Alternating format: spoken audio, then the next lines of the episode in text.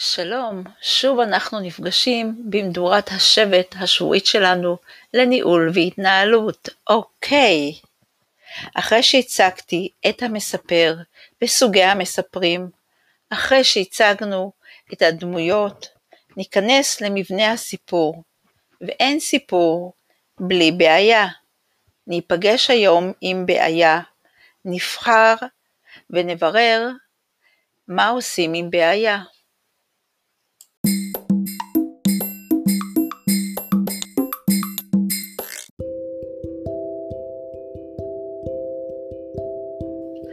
מה עושים עם בעיה? ספרו המופלא של קובי ימדה. אני לא יודע איך זה קרה, אבל יום אחד הייתה לי בעיה. לא רציתי בה, לא ביקשתי שהיא תבוא. לא היה לי שום חשק שתהיה לי בעיה, אבל היא צצה לה. זהו סיפור על בעיה עקשנית של ילד שלא כל כך בטוח מה לעשות איתה. מה עושים עם בעיה? במיוחד שהיא כזו שהולכת בעקבותיך ללא הרף ומסרבת לעזוב. במיוחד שהיא מגיעה בהפתעה. האם להיות מודאג בגללה, להתעלם ממנה, האם לברוח ולהתחבא? הגיבור שלנו בחר להתעלם ממנה, אך ככל שהוא התעלם ממנה היא גדלה ותפחה.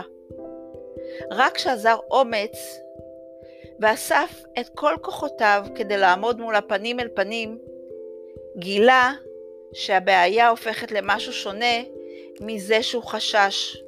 וכשעבר עמדתי מולה, פנים אל פנים, גיליתי משהו. הבעיה שלי בכלל לא הייתה מה שחשבתי עליה. גיליתי שיש בתוכה משהו יפהפה. בתוך הבעיה שלי טמונה הזדמנות. הזדמנות עבורי ללמוד ולצמוח ולהיות אמיץ ולעשות משהו.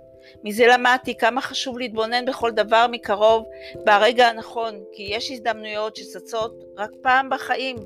בכל בעיה טמונה הזדמנות למשהו טוב. צריך רק לחפש. אכן, תקופת הקורונה הציגה לנו בעיות חדשות, או במילים מכובסות, אתגרים.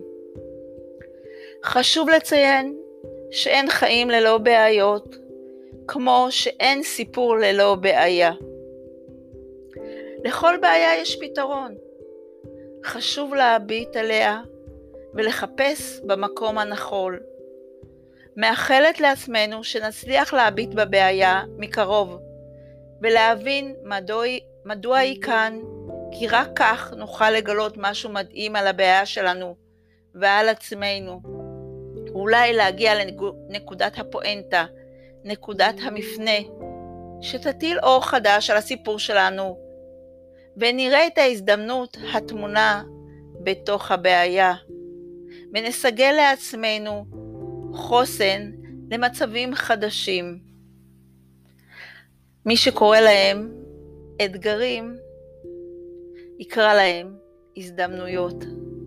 מאחלת לכולנו להביט על הבעיות ללא פחד ולחפש את ההזדמנות הטמונה בכל בעיה.